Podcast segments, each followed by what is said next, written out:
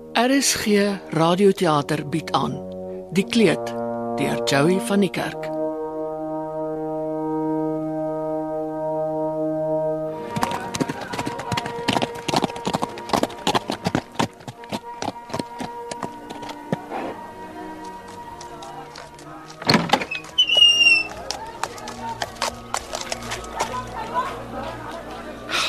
Dit moet Gusa wees. Wat gaan hy sê as hy my sien? Johanna! Johanna, waar is jy? Hier my heer in die weefkamer. Die weefkamer. Wag, ek kom so toe. Johanna? Sien, jy staan dan reg op wat wat het hier wat gaan hier aan? Jou rug en jy weef. Ja, my man, ek weef. En kyk my hande. Die kromgetrekte kloue het weer hande geword en die knoppe is weg en en kyk, die skeefgetrekte vingers is weer reguit. En die pyn my vrou? Dis ook weg. Dis heeltemal weg en ek is gesond, Gusa, heeltemal gesond. Wa- Hoe? Wat het gebeur? Die profeet het my gesond gemaak. Die profeet. Die woestynman met die wilde hare en kameelhaar kleed. Hoe het jy by hom uitgekom? Jy kon nie afgelope tyd skaars beweeg. Praat jy van die doper, Gusa? Ja, Johannes die doper. Ja, Ek het hom nog nooit gesien nie. Maar ek is bietjie bang vir hom. Bang. Waarom? Dit- Wel hy's 'n regte oordeelsprofeet. Ek het gehoor hy preek dat mense hulle moet bekeer en dan doop hy die bekeerdes daarna. Waar het jy van hom gehoor? Susanna was nuuskierig om hom te hoor. Sy het die skare gevolg toe hulle hoor hy's weer terug uit die woestyn uit. En daai dag het 'n groep skrifgeleerdes en fariseërs ook gaan luister. Hulle van alle mense. En wat het hy vir hulle gesê? Op dinge soos addergeslag wie het julle wys gemaak dat julle aan die dreigende oordeel kan ontkom en dra liewer vrugte wat by die bekering pas. Die by lê reeds teen die wortel van die boom. In elke boom wat nie goeie vrugte dra nie, word uitgekap en in die vuur gegooi. Oh, vir so 'n kwaai profeet is ek baie bang. Mooi so. Soos 'n ware profeet duins hy nie terug nie. Sy werk is om sondaars die skrik op die lyf te jag. Die profeet van liefde wat my genees het, is nie so nie. Profeet van liefde. Ek weet nie hoe twee profete sommer gelyk opduik nadat daar vir byna 400 jaar geen ware profeet hier in Israel was nie.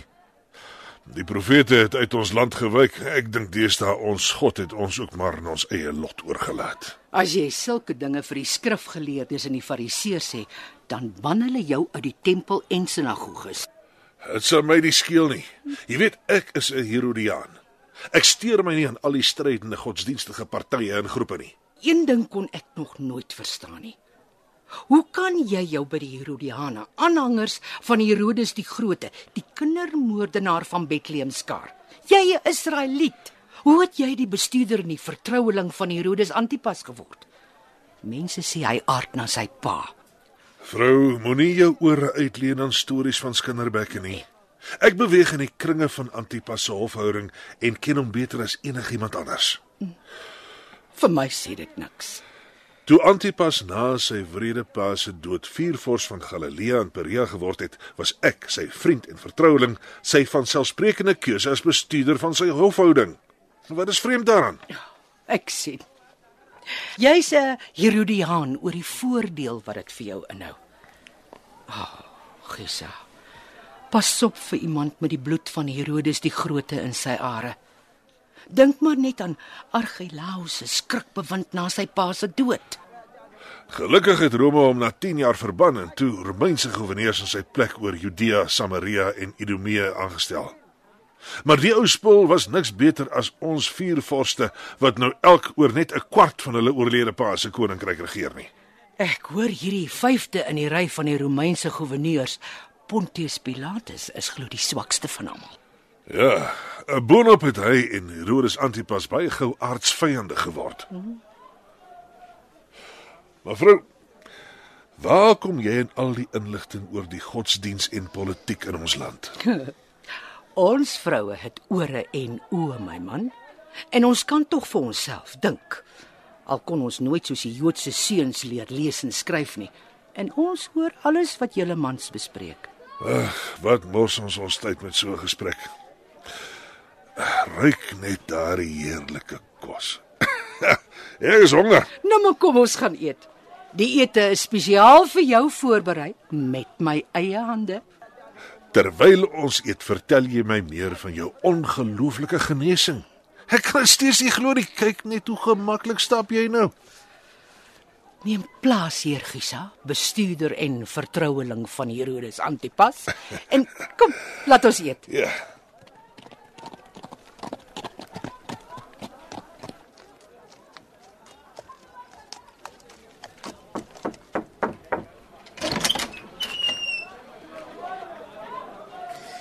Sien ek reg?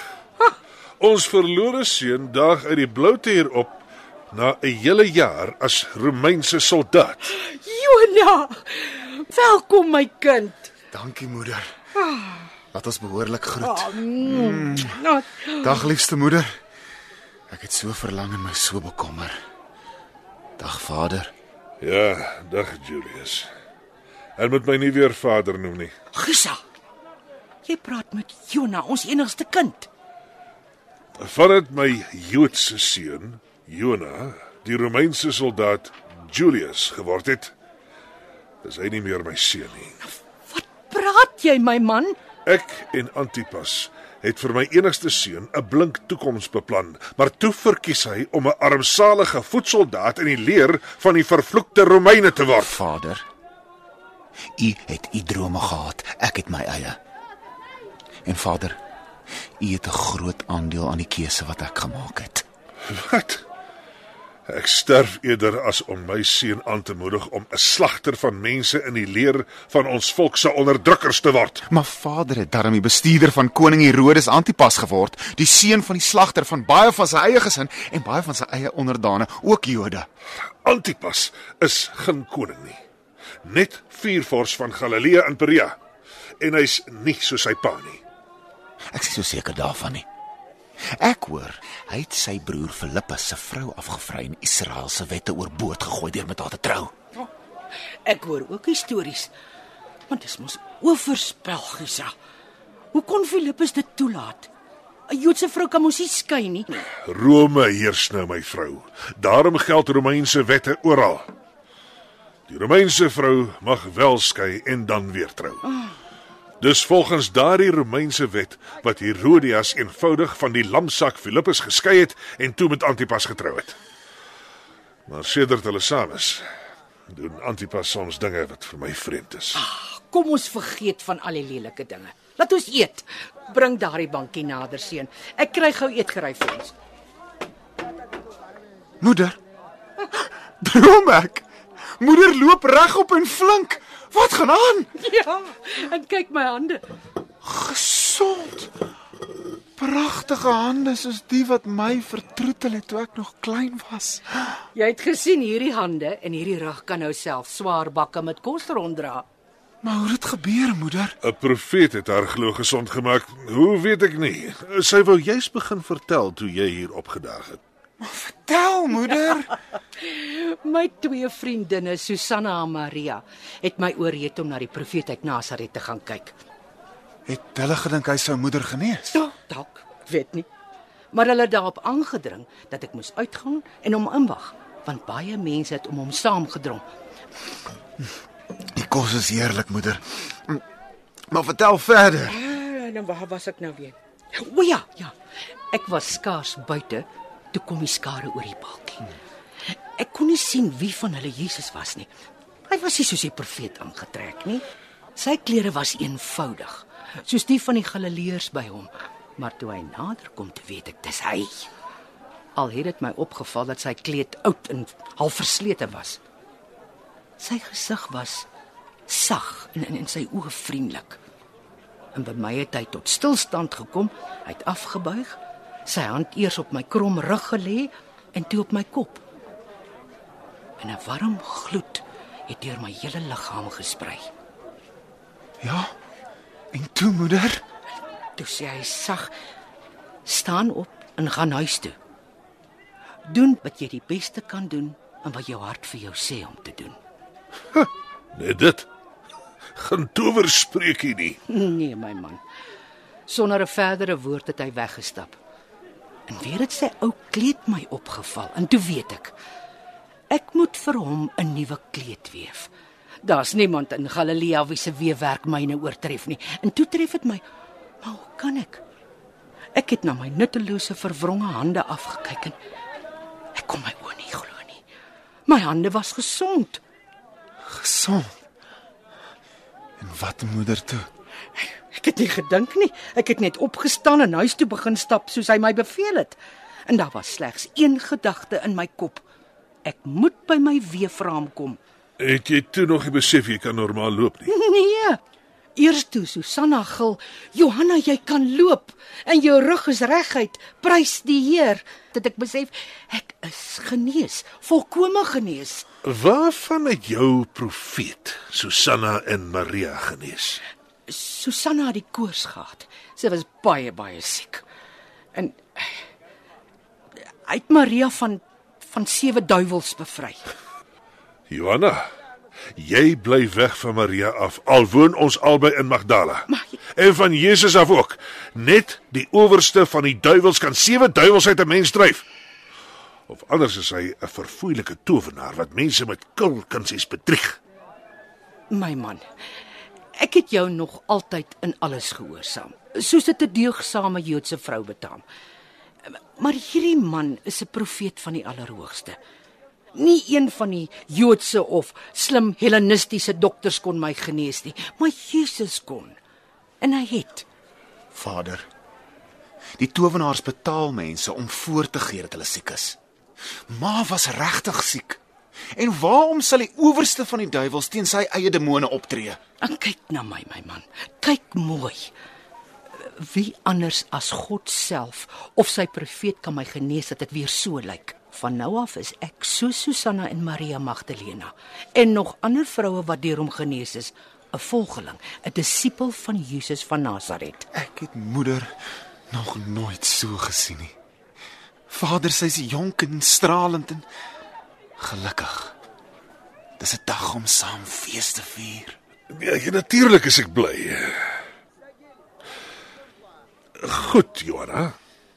Jy kan 'n volgeling wees, maar jy loop nie agter die vent aan soos sy ander disippels nie.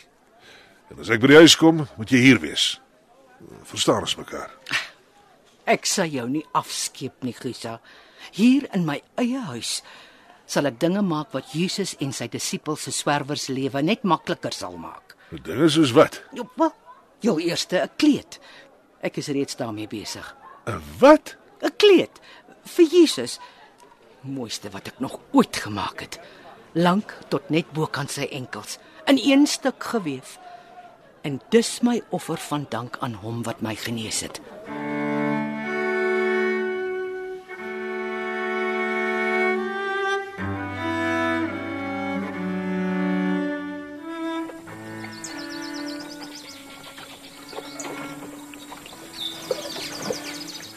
Uiteindelik is ons saam op pad na Magaias toe. Ek het altyd gehoop jy sal dit ook kan beleef, Johanna. Waarom, Gisa? Ek het nog nooit enige begeerte gehad om enige van die drie bergvestings van Herodes die Grote te sien nie. Ek sien nie vir Herodias kans nie, Gisa. Het jy gesien hoe sy my uit die hoogte bekyk vanuit hulle versierde strydwa toe ek na ons wa toe aangestap gekom het? Gelyk asof sy op my neersien. Sy is jaloers, my vrou. Sy kan al die olies en goudstof op haar hare gooi en die mooiste klere aantrek, maar haar beplakte en geverfde gesig kan nie naby jou skoon stralende gesig kom nie. Ek is so trots op jou. Ek wil my mooi slim vrou vir die mense van Magairos gaan wys. Al is dit net een keer.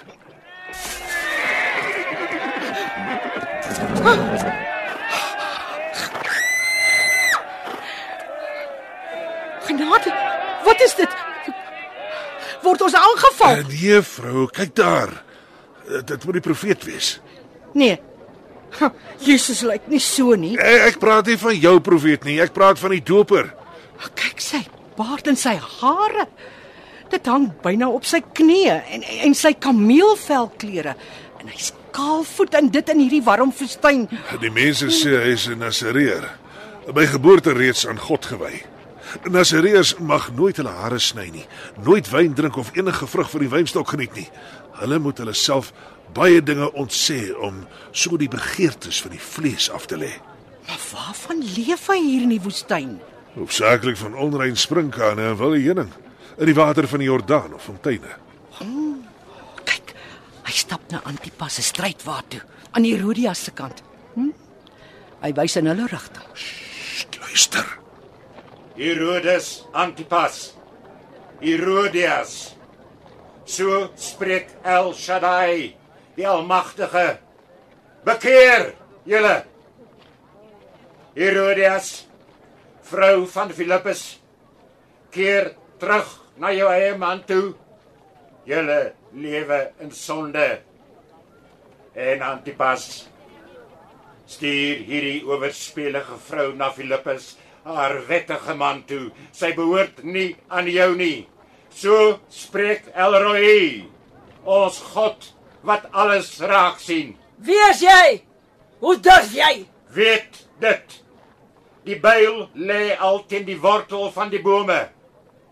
Elke boom wat geen goeie vrugte dra nie, word uitgekap en in die onuitblusselike vuur verbrand. Ons pleeg nie oorspel nie, onnoosle ou man. Volgens Romeinse wette het ek wettig van Filippus geskei en is ek en Antipas wettig getroud. Van wanneer af is God se verordeninge ondergeskik aan die wette van Rome? Gaan terug na Filippus. Jou wettige man toe, Herodias. El Ulam. Die ewige het gespreek. En daar draai die doper om en hy stap weg. Keer voor! Centurio, wagte! Gryp daai smerige ou man. Oh, kyk, Gisa. Die soldate roer nie. En die doper stap rustig weg, sommer so tussen hulle deur. Herodias is woedend. Kyk as hy klim uit. Maar niemand probeer die profeet vang nie. Selfs Antipas toe niks. Hulle sal ook nie. Hulle is banger vir hom as vir Herodias. Waarom? Dalk vrees hulle dat die oordeele wat die profeet uitspreek, hulle ook sal tref. Gisa. Hey, hier kom Herodias in ons rigting aangestap. Sy sy wys na my. Wat wil sê? Jy, vrou van Gisa, sal nooit hieroor praat nie. Nooit hoor jy my. En jy ook nie, Gisa. En julle lamsakkige leiwagte ook nie. Die tong van een skinderbek is soos 'n klein vuurtjie, maar dit word baie gou 'n vlamme hel wat die aarde verskroei. Daarom word lostonge uitgesny. Herodias het gepraat. Wie nie hoor nie, sal voel. Gee my koue rillings. Gisa neem my terug huis toe. Ek wil nie saamgaan na Magairos toe nie. Ons kan nie nou omdraai nie, my vrou. Oral waar Antipas gaan, moet ek by wees. Dis my werk. Jy het gesê ons moet 3 dae in die bergvesting tuis gaan.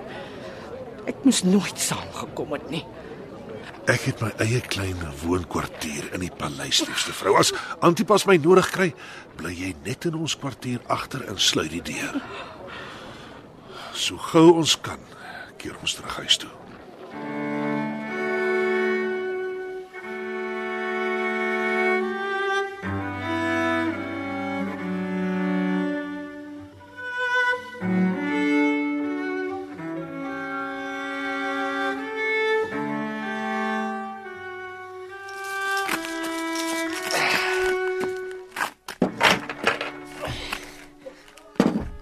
Hier is jou kos, profeet. Dankie. Sepier. Maar ek is nie honger nie. As ek kon, het ek self vir jou sprinkane gaan vang en wille heuning gaan uithaal, doper. Maar Magairos se kerkerkos is al wat hier is vir jou. Eet of sterf van die honger. Sepier. Ek sit al meer as 30 dae ingehok in hierdie koue, donker sel in die kerker. Waarom? Wie het my laat vang? Waarom verhoor Antipas my nie? Ek wens ek het die antwoord op een van daardie vrae geken, profeet. Ek vermoed die koningin sit agter alles. Sy's geen koningin nie. Haar wettige man Filippus en ook Antipas is net vier vorste, nie konings nie. Watter reg of mag het sy om my hier gevange te hou? Sy haat jou omdat jy haar en Antipas al meer as 'n jaar lank herhaaldelik in die openbaar van oorspel beskuldig. En sy draai Herodes Antipas om haar pinkie. Sy sy bose gees, 'n wrede en gevaarlike vrou. Jy was dapper maar dom, my vriend, om daardie vrou aan te durf. Ek wens ek kon jou help, maar ek is magteloos.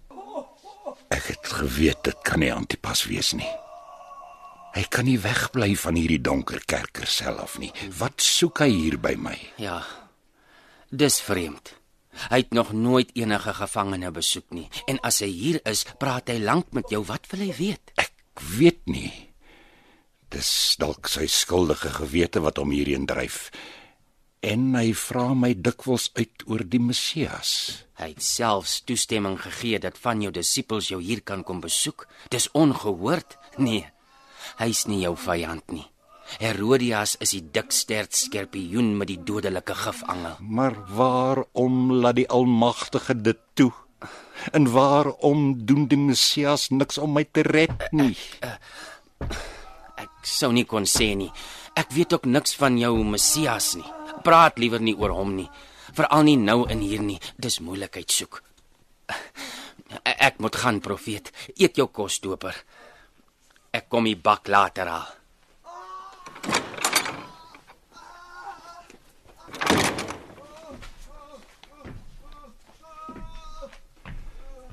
El Elroy. God vir wie niks verborge is nie. Waar is u? sien u my nie in my ellende aan nie? Ek smag na die son op my vel. Die wind deur my hare, die koel water van die Jordaan. Ek smag ook na die onrein sprinkane in wille heuning wat U as voedsel voorsien het. Maar waar is U God wat alles sien? Het U van my vergeet?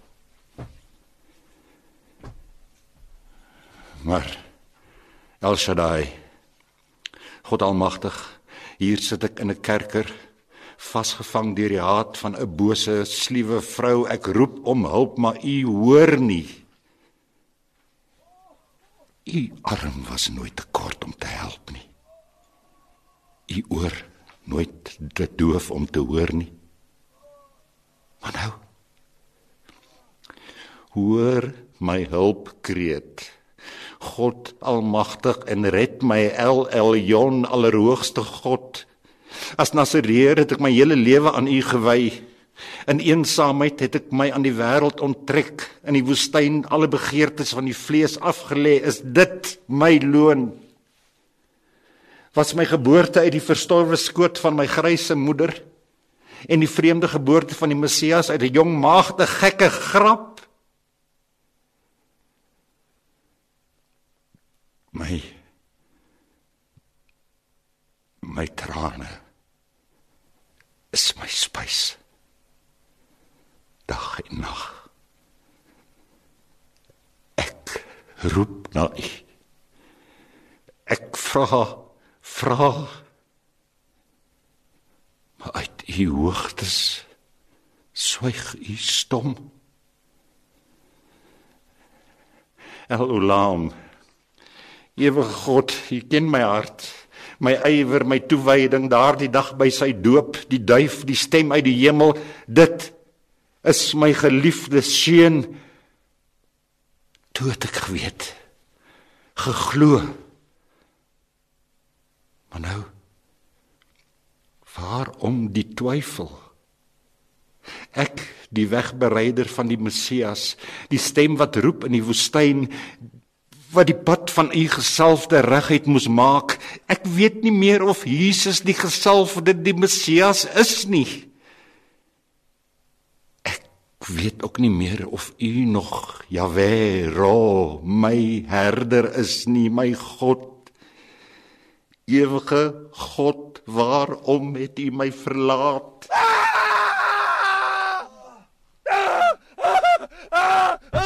Kyk! Kyk goed en leer. Dit gebeur met lostonge.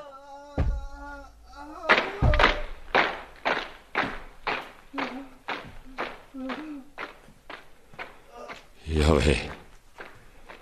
Shalom. Vergeef as ek vra. Is U nog steeds die God van vrede? Daar is geen vrede nie. Nie in my hart nie, nie in hierdie vesting nie ook nie in die land wat u as ewige erfenis aan my volk gegee het nie die arend van Rome het sy vleuels wyd uitgesprei en oral dood en verwoesting gesaai el olam ewige god sê my is ek 'n mooi weersprofeet wat net glo as dit goed gaan maar twyfel as ek beproef word Here Here, kom my klein geloof tegemoet.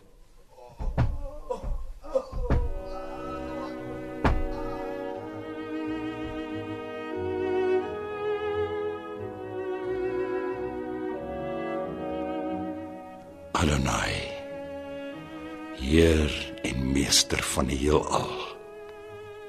Vergewe, Heer, dat ek getwyfel het my disippels het weer gekom en het vertel van Jesus wat blindes laat sien, melaatses reinig, dowes laat hoor, lammes laat loop. Elohim, magtige Skepper God. In donker nag het ek met U geworstel, in wanhoop getwyfel. En toe breek u lig deur die duisternis van my vertwyfeling. Ek roep en ek het berou.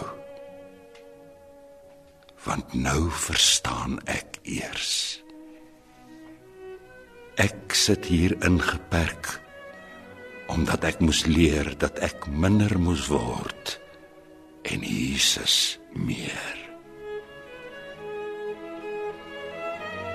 laat daarom nie my wil nie maar u wil geskied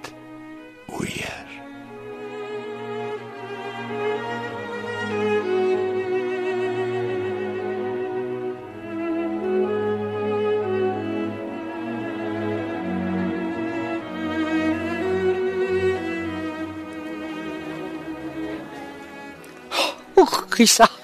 Ek kan nie glo ons is weer hier in Jerusalem vir die fees van die ongesuurde brode nie. Ek kan Jesus weer sien. Ek kan hom oor praat en sien hoe hy mense genees. Dit dank sy Antipas se gebruik om sy pa, Herodes die Grote, se voorbeeld getrou na te volg. Sy pa se voorbeeld. Ja. Elke jaar tydens hierdie fees bring hy die hele 8 dae van die feestyd deur in die Jerusalemse paleis wat sy pa aan hom toegewys het. Ek hoor dat die Romeinse goewerneurs dit ook elke jaar doen. Pontius Pilatus en sy vrou Claudia Procula is alreeds hier in hulle luukse kwartiere in Antonia vesting. Hulle sê glo, hulle hou niks van Jerusalem met sy bar klimaat en die fanatieke Jode met hulle vreemde godsdiens nie. En Pilatus bots glo gedurig met die Jode. Ja, hy is 'n soldaat, nie 'n diplomaat nie. Hmm. Hy dwing sy wil met geweld af. En hy en Antipas bots ook gereeld. Hulle is eintlik aardsvyande. Pilatus is glo finaal deur Rome gewaarsku dat hy sy militêre metodes wat hy met geweld op die Jode afdwing moet laat vaar, anders sal selfs sy huwelik met 'n vrou uit die keiserlike familie hom nie van verbanning kan red nie. Ooh, dis seker waarom Jerusalem tydens die groot Joodse feeste altyd lyk asof hy onder beleg is. Jy weet my vrou, iets is vanjaar anders. Sedert die ongelooflike opwekking van Lazarus uit die dood 10 dae gelede, is hier 'n opgewondenheid onder die skare wat my onrustig maak. Die messiaanse verwagting het skielik baie hoog opgevlang en dit lyk vir my of ons volksleiers paniekerig begin word. Paniekerig, waarom? 5 dae gelede het Jesus glo op 'n donkie vanuit Betanië oor die Olyfberg na Jerusalem gery. Toe hy die Kedrondal binne ry, het die massa hysteries geword. Hulle wou hom met geweld koning maak. Hoe werk hulle koppe? Die Messias, verlosser van Israel. koning van die Jode op 'n donkie. 'n Groot profeet het glo eeue gelede voorspel dat die Messias op 'n jong esel die Godstad sal binnery. Dit het die feesgangers laat dink dat die dag van hulle bevryding aangebreek het. Maar hy het die koningskap geweier. Selfs gehuil en die verwoesting van die Godstad voorspel. O, oh, is vreemd. En tog is dit nie hoe die Messias sal optree nie. Dit is dalk nou nie die regte tyd nie. Ek wonder al lankal of Jesus nie dalk die Messias is nie. Dit hang af hoe jy die Messias sien, my vrou. Baie glo hy's 'n politieke verlosser wat Israel finaal van die Romeine sal bevry. As Joodse groepe wat dit glo, te ernstig raak, kan dit uh, tot 'n bloedige botsing lei. Die godsdienstleiers en baie Herodiane ook vrees dit. Daarom is hulle baie vyhandig teenoor Jesus. Jesus sê vir my, waarom haat julle Jesus so? Ek haat hom nie. Eh, Baie van hulle ook nie. Maar ons almal vrees hom en sy invloed op die volk. Maar waarom my man? Jesus doen net goed. Met elke wonderwerk en al die optredes en uitsprake word sy volgelinge meer. Die laaste strooi wat die kameel se rug laat breek het, was die opwekking van Lazarus uit die dood. Dit toon dat Jesus oor goddelike kragte beskik. Glo jy dit ook? Dat hy oor goddelike kragte beskik. Ek weet self nie. Ek, ek kyk, luister en dink nog. Jy weet tog, ek was nog nooit 'n godsdienstige man nie. Maar die tempelreiniging 'n paar dae gelede was 'n groot keerpunt. Hoe so? Vir die eerste keer het die volk besef dat die godsdienstleiers geld maak onder die dekmantel dat hulle rein godsdienstige offers en rein skatkisgeld aan die offeraars verkwansel. En al daardie winste gaan na hulle eie sakke toe. My man. Begin jy ook wonder of hy nie dalk wel die Messias is nie? Ek probeer daarteen stry. Maar die afgelope tyd se gebeure laat my ernstig nadink. Maar bekommer my ook. Baie mense begin hom vir die Messias aansien. Maar elke Messias oproer loop op 'n bloedbad teen die Romeine uit. Ja. Ek onthou nou nog die duisende Jode wat gekruisig is of as slawe weggevoer is tydens die opstand van Judas die Galileër. Die hele dorp is destyds uitgewis. Ek moet nie eers daaraan dink dat so iets weer moontlik gaan gebeur nie. Hierdie keer sal die Romeine ons finaal uitdelg. Dis waarom ek so ongelukkig is dat ons enigste seun as 'n Romeinse soldaat dalk sy eie mense om die lewe sal moet bring. Gisa, kyk. Daar kom nog 'n afdeling van Romeinse soldate aan en heel vooraan ry 'n centurion. Daardie Centurio lyk nogal baie na ons seun. Hmm? Centurio Julius. Nee, kan nie wees nie. Hulle sal nie 'n jong Jood, 'n hoofman oor 100 in die Romeinse leer maak nie, tensy Ja, tensy hulle hom vir hulle vuilwerk wil gebruik. Ons is reg, Gisa, kyk mooi. Dit is ons seun wat so trots op sy perd voor sy afdeling ry. Groot meneer, nou dat hy 'n aanvoerder van 'n 100 Romeinse soldaatjies is wat sy eie volk onderdruk. Hy's niks beter as 'n tollenaar nie. Moenie sy prestasie so afbreek nie. Ek is trots op hom. Ek gaan vorentoe hardloop sodat hy my kan sien. As hy sien ons is hier, dan sal hy ons dalk later opsoek. Jare, Jare kom terug. Ek het hom ingehaal. Ek hardloop vinniger as wat die soldate masseer. Maar, maar hy het my geïgnoreer. Hy het, net stip voor hom gekyk. My vrou, jy het tog nie verwag jou duifie moet vir sy mamma waai terwyl hy 100 soldate aanvoer nie. Ek het nie daaraan gedink nie. Maar ek was so bly om hom na byna 2 jaar weer te sien. Stel ek my draai by Antipas gaan maak. Jammer, ek los jou weer alleen. Loop ek gou terug.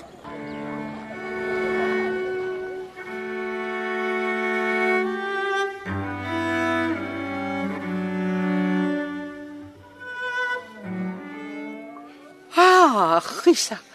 Eindelik terug. Het Antipas weer baie te sê gehad. Ja, nie eintlik nie. Hy het die hele tyd uitgevra oor Jesus. Hy skoon behep met die man. Jesus, wat wil hy van hom weet? Hy het my veral oor sy wonders uitgevra.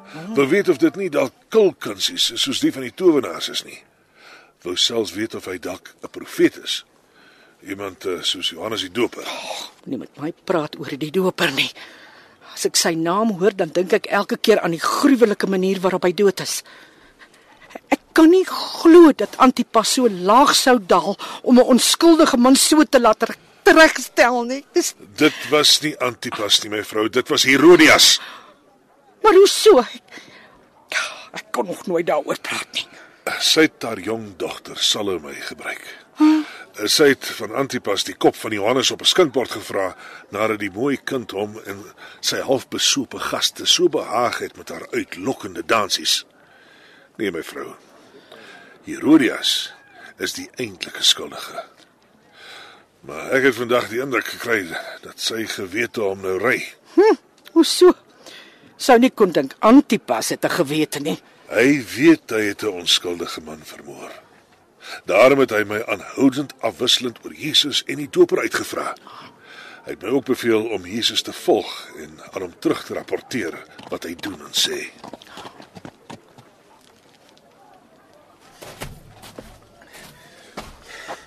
Jona my duifie, jy het my tog raak gesien. Ja, moeder. Vinniger die hoek van my oog. Maar ek het gevrees moeder sou sommer hardop uitroep: "Jona my duifie, kyk hier. Hier's jou mamma." Ek sou jou nooit in so 'n verleentheid bring nie, my seun. ek spot sommer. Dag moeder. Dag vader. Ek bly kon julle raakloop al.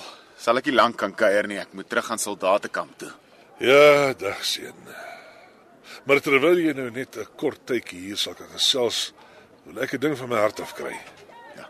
Verduidelik vir eens en vir altyd vir my wat jou beweeg het om 'n soldaat in die leer van ons Romeinse onderdrukkers te word. Nou maar goed, vader. Toe vader my destyds as jong seun na Rome gestuur het om net soos u destyds 'n ordentlike Romeinse opvoeding te ontvang, het ek baie dinge geleer wat die bekrompe Joodse rabbies ons nooit leer nie. Dinge soos wat? Soos die soos die lewe van Alexander die Grote. Hy was net 20 toe hy koning van Macedonië geword het en het net 13 jaar geheers voor hy aan die koors dood is.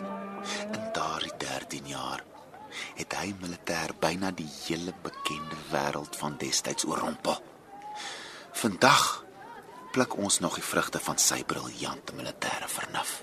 nou maar hoe so, my seun? Hy was 'n jong man met 'n droom. Hy wou die hele wêreld helleniseer. Die Griekse taal en kultuur moes deur almal gepraat en benut word. En is sy droom bewaarheid? Ja, moeder. Vandag, 300 jaar later, het die Griekse taal en beskawing die hele bekende wêreld verower. Dit wys hoe groot die mag van die swaard is. Alexandrië in Egipte het die middelpunt van die wêreldhandel geword. En vandag gebruik die magtige Rome al hierdie voordele wat die jong militaris tot stand gebring het om ons te onderdruk. Maar wat het dit met jou beroepskeuse te doen? Julius Caesar en sy opvolgers het in die diep spore wat Alexander die Grote getrap het, voortgemarseer. Ook hulle is tans besig om met militêre mag 'n Romeinse ryk te stig wat alle vorige ryke gaan oortref. Een wat gaan bly voortbestaan. Gaan bly voortbestaan. Ja, Vader, want dit gaan 'n vrederyk wees. Almal gaan een taal praat, dieselfde kulture, godsdienstvryheid sal erken word. My droom is om te help bou aan daardie wêreldwye vrederyk. Dis waarom ek by die Romeinse leer aangesluit het, Vader. So ek is eintlik die een wat agter hierdie gek droom van jou sit. Ja, Vader. En ek is dankbaar vir die goeie hellenistiese opvoeding wat ek in Rome deur u toedoen ontvang het. Ag, my seun. Geen aardse ryk wat met militêre mag tot stand gekom het, het nog ooit bly voortbestaan nie. Dis nie die swaard nie, maar dis die liefde wat die antwoord is. Dit het Jesus ons geleer. Die toekoms sal seker wys wie van ons reg is, moeder. Maar ek moet nou gaan. Ek sal weer kom groet as die pas gaan verby is. Ons moet vertrek.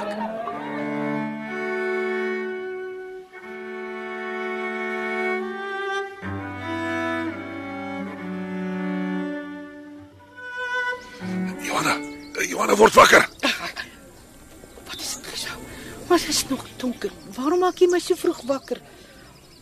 Wie lawaai so? Jesus van Nasaret is laat laas nag gevange geneem. De- Deur wie? Waarom? Deur deur 'n klompie Romeinse soldate wat deur die tempelpolisie vergesel is. Wat het hulle met hom gedoen?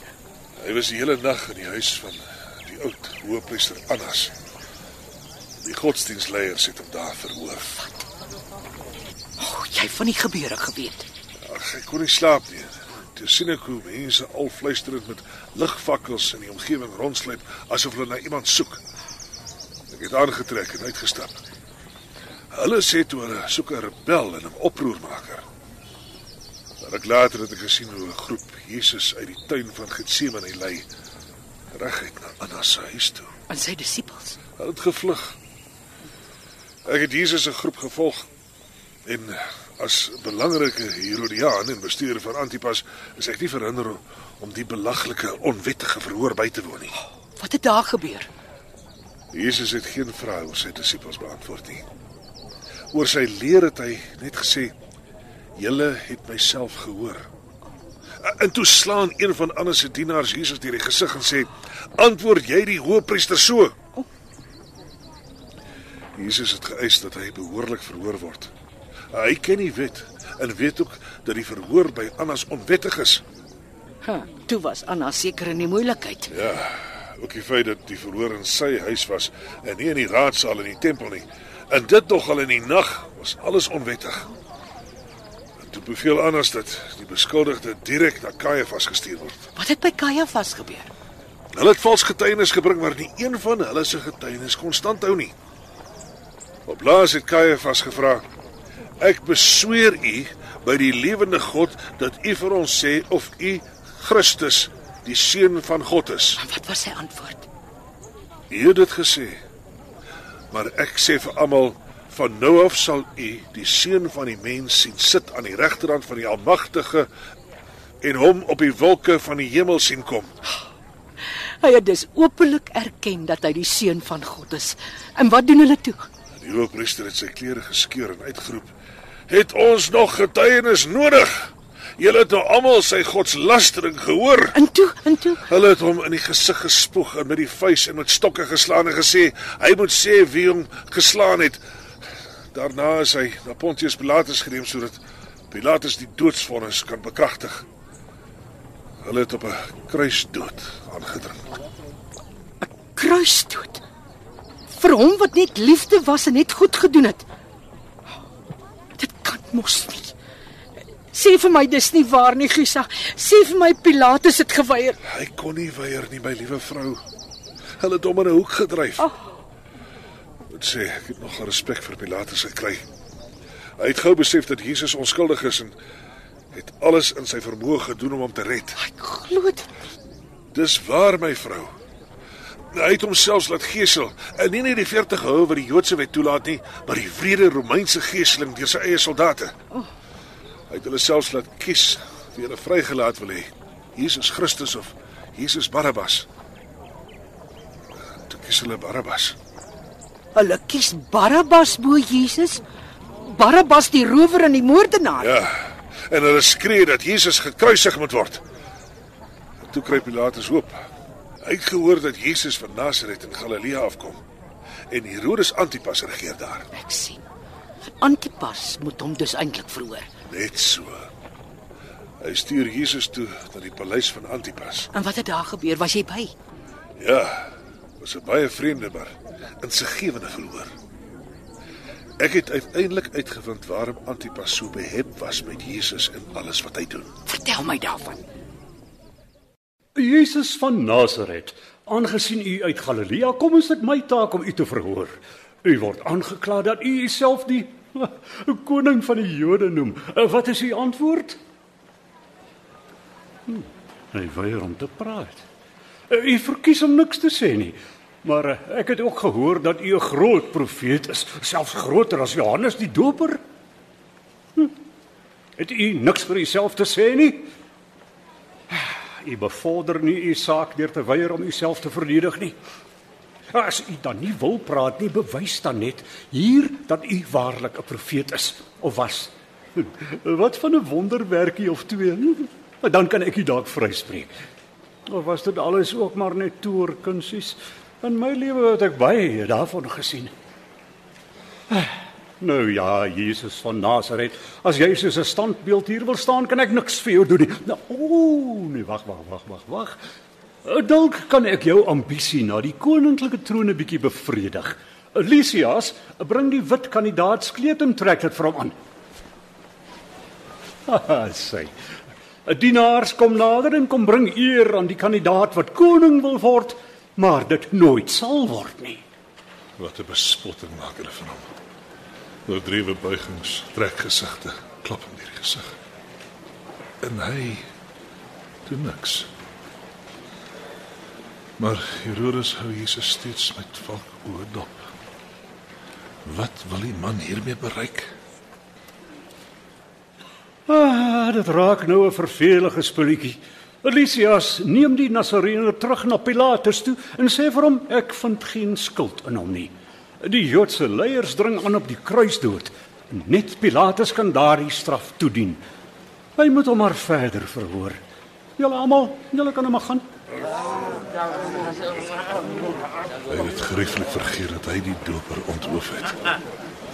Dankie tog. Nou kan ek seker ook gaan. Laat laat ek vinnig pad gee. Nee nee nee nee, nee. Gisa moenie gaan nie, bly 'n oomblik agter. Kom sit hier my vriend. Ja ja, ja sommer so hier langs my. Daar sê. Uh, jy moet nou baie eerlik wees. Het jy enige iets in hierdie man gesien wat jou aan die profeet Johannes die Doper laat dink het? Nee, allermins. eh, Die doper sou nooit stil gebly het nie. Hy was 'n vurige profeet wat vir niks en niemand gestuit het nie.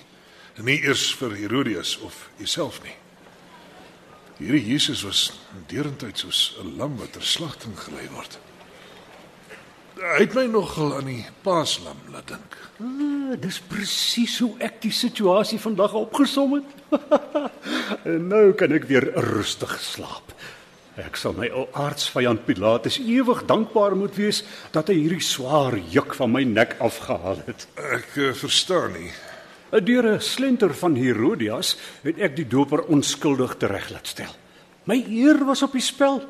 Ek weet dis net 'n bygeloofie, maar hierdie streekse mense glo vas dat iemand wat vermoor is in 'n ander gedaante terugkeer om sy dood te wreek. En toe ek van hierdie Jesus se ongelooflike wonders hoor, het ek gedink dat die doper teruggekom het om wraak te neem. En van vandag af is Pilatus nie meer my vyand nie, maar my vriend.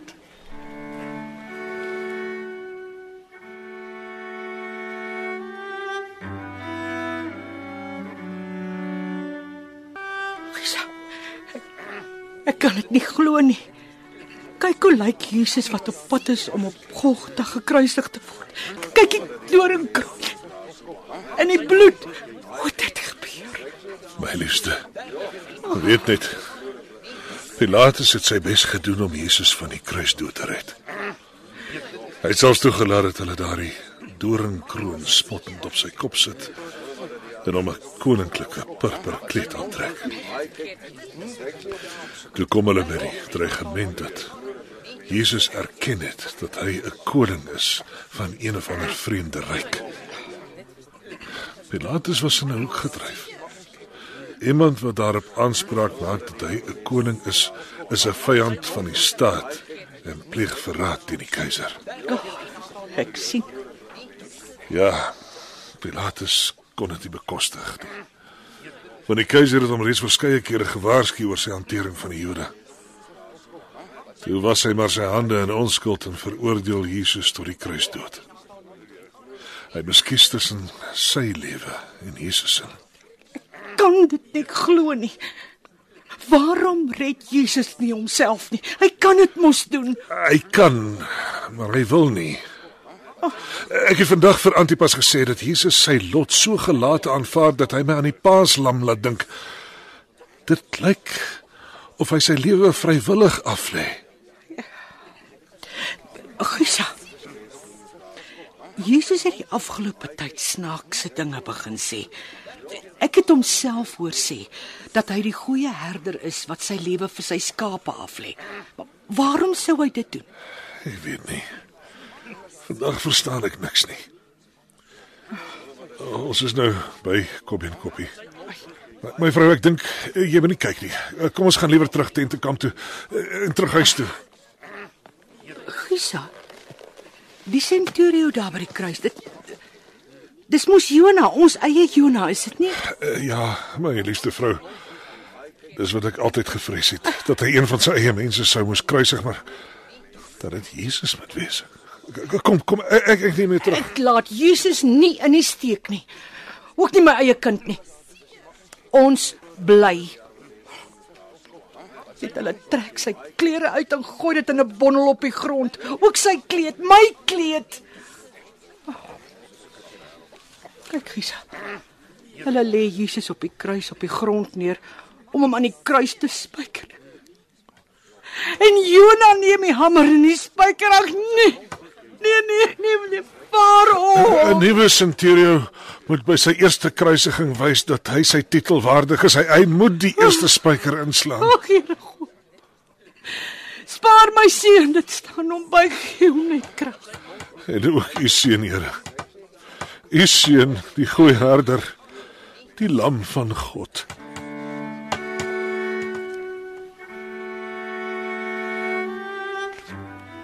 Dankie dat jy my Vrydag teruggebring het kamp toe, Gisa. Ek ek, ek kon dit nie langer aanskou nie.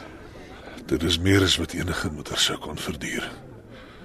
Jou smart is 'n dubbel smart, my vrou. Dit kan nooit vergelyk word met die smart van moeder Maria nie. Ek wonder net wat van Jona geword het. Hy het nog niks van hom laat hoor nie. Ek dink hy het my nodig, nou meer as ooit tevore. Hy hy sal kom. Gee hom net kans om oor die skok van die gebeure te kom. Ek dink ook hy skaam en dalk bang jy sou sê ek het jou mos gesê. Wie sou dit wees? Dis ek, Vader. Jona, my kind. My liewe kind. Ons was so bekommerd oor jou. Wat staan jy buite? Kom in. Dag, Vader. Dag, moeder. Waar is jou perd, my seun? Ek het nie meer 'n perd nie. Ook nie meer soldateklere nie. Ek het my ontslag gevra en dit gekry. Hulle was maar te bly om van die Joodse centuriokie ontslae te raak wat nie eers 'n ou kruisentjie kon hanteer nie. Pa was reg. Ek moes nooit soldaat in die Romeinse leer geword het nie. Uh, sit neer jou sakke. Waar is jou ander besittings? Ek het niks vir my eie meer nie, Vader. En dit wat in daardie sak is, wil ek nie meer hê nie. Wat is daarin? Dis 'n kleed. Sy kleed wat ek aan die voet van die kruis met 'n dobbelspel gewen het. Gee laat ek sien. Hier sy. Dit is sy kleed, Jona. Die een waaraan ek gewerk het toe jy laas in Magdala by ons was. Ek weet, moeder. Net moeder kan so weef. Maar nou is dit vol bloed en selfs geskeur. Ag, dis nie 'n probleem nie, my kind. Ek sal dit skoonmaak en heel maak en en dan kan jy dit gebruik. Ek wil dit nie hê nie. Ek sal dit nooit kan gebruik nie. Waarom nie? Elke keer as ek daarna kyk, dan sal ek onthou dat ek 'n onskuldige man die kruis dood laat sterf het. Dat ek die eerste spyker ingeslaan het. Ek wil daardie las nie lewenslank met my saamdra nie en ek sal sy woorde in sy oë nooit kan vergeet nie. Wil jy daaroor praat? Toe ek daardie eerste spyker ingeslaan het, het hy geprewel: "Vader, vergewe hulle want hulle weet nie wat hulle doen nie." Maar hy het direk na my gekyk, na my alleen. En daar was nie haat in sy oë nie. Net net deernis. En, en nee, dit kan nie wees nie. Sê dit, my kind. Medelee en liefde. En toe kom al die vreemde verskynsels. Duisternis helder oordag. En toe sy laaste woorde terwyl die aarde bewe en die tempelvoorhangsel skeur. Dit is volbring. En Vader, in U hande gee ek my gees oor. Sy sterwenswoorde het my laat besef dat hy 'n taak gehad het wat hy volbring het. En wat sou dit wees? Die tempelvoorhangsel wat geskeur het, sê alles, moeder. Jesus se taak was om die skeidsmuur tussen ons sondaar mense en die heilige God weg te neem en hy het Dis waar. Ons het geen Sadduseërs en Fariseërs, geen priesters met hulle offerlammers meer nodig nie. Hy is die offerlam wat ons skuld weggeneem het. Die paaslam wat die doodsengel by ons verby laat gaan. En hy kan want hy het God sy Vader genoem en ons skuld afbetaal met sy eie bloed. En dis waarom ek nie myself kon keer nie. Ek het uitgeroep, hierdie man was werklik die seun van God. En wat het die ander soldate gedoen? Hulle het net spottend gelag. Hulle het die kleed na my toe gegooi en gesê ek moet huis toe gaan. Ek het nie die hart of moed om 'n soldaat in die Romeinse leer te wees nie. Hulle was reg, Jona. Jy hoort nie in hulle leer nie.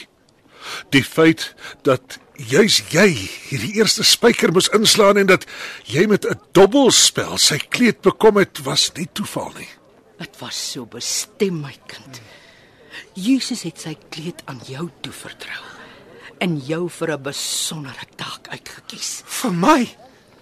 Vir my wat hom gekruisig het. Ja. Hy het jou reeds vergewe. Daar by die kruis. Jou droom van 'n wêreldwye vrederyk gaan verwesenlik word, my seun. Maar dit gaan nie met die swaard verower word nie. Jy het nou deel geword van die leerskare van mense wat Jesus se liefdesleer gaan uitleef en wêreldwyd gaan uitdra. En ek gaan die kleed herstel en jy moet daardie kleed dra. Bekleed met Jesus se kleed sal jy die warmte van sy liefde en sy vertroosting ervaar, maar dit gaan jou ook beskerm teen die ysige winterkoue en die koelheid van vyandige mense. En saam met ander gelowiges gaan julle die boodskap uitdra dat die liefde sterker is as die swaard. En so gaan die vredesryk waaroor jy droom ontstaan. Die ryk wat tot in ewigheid sal bestaan. Daardie droom sal nie in jou lewenstyd waar kan word nie, seun. Dit kan jare, eeue, dalk duisende jare duur, maar in die ver, verre toekoms sal God se koninkryk van liefde en geregtigheid elke uithoek van die aarde bereik. Dan sal Jesus se taak waarvoor hy gesterf het, waarlik volbring wees.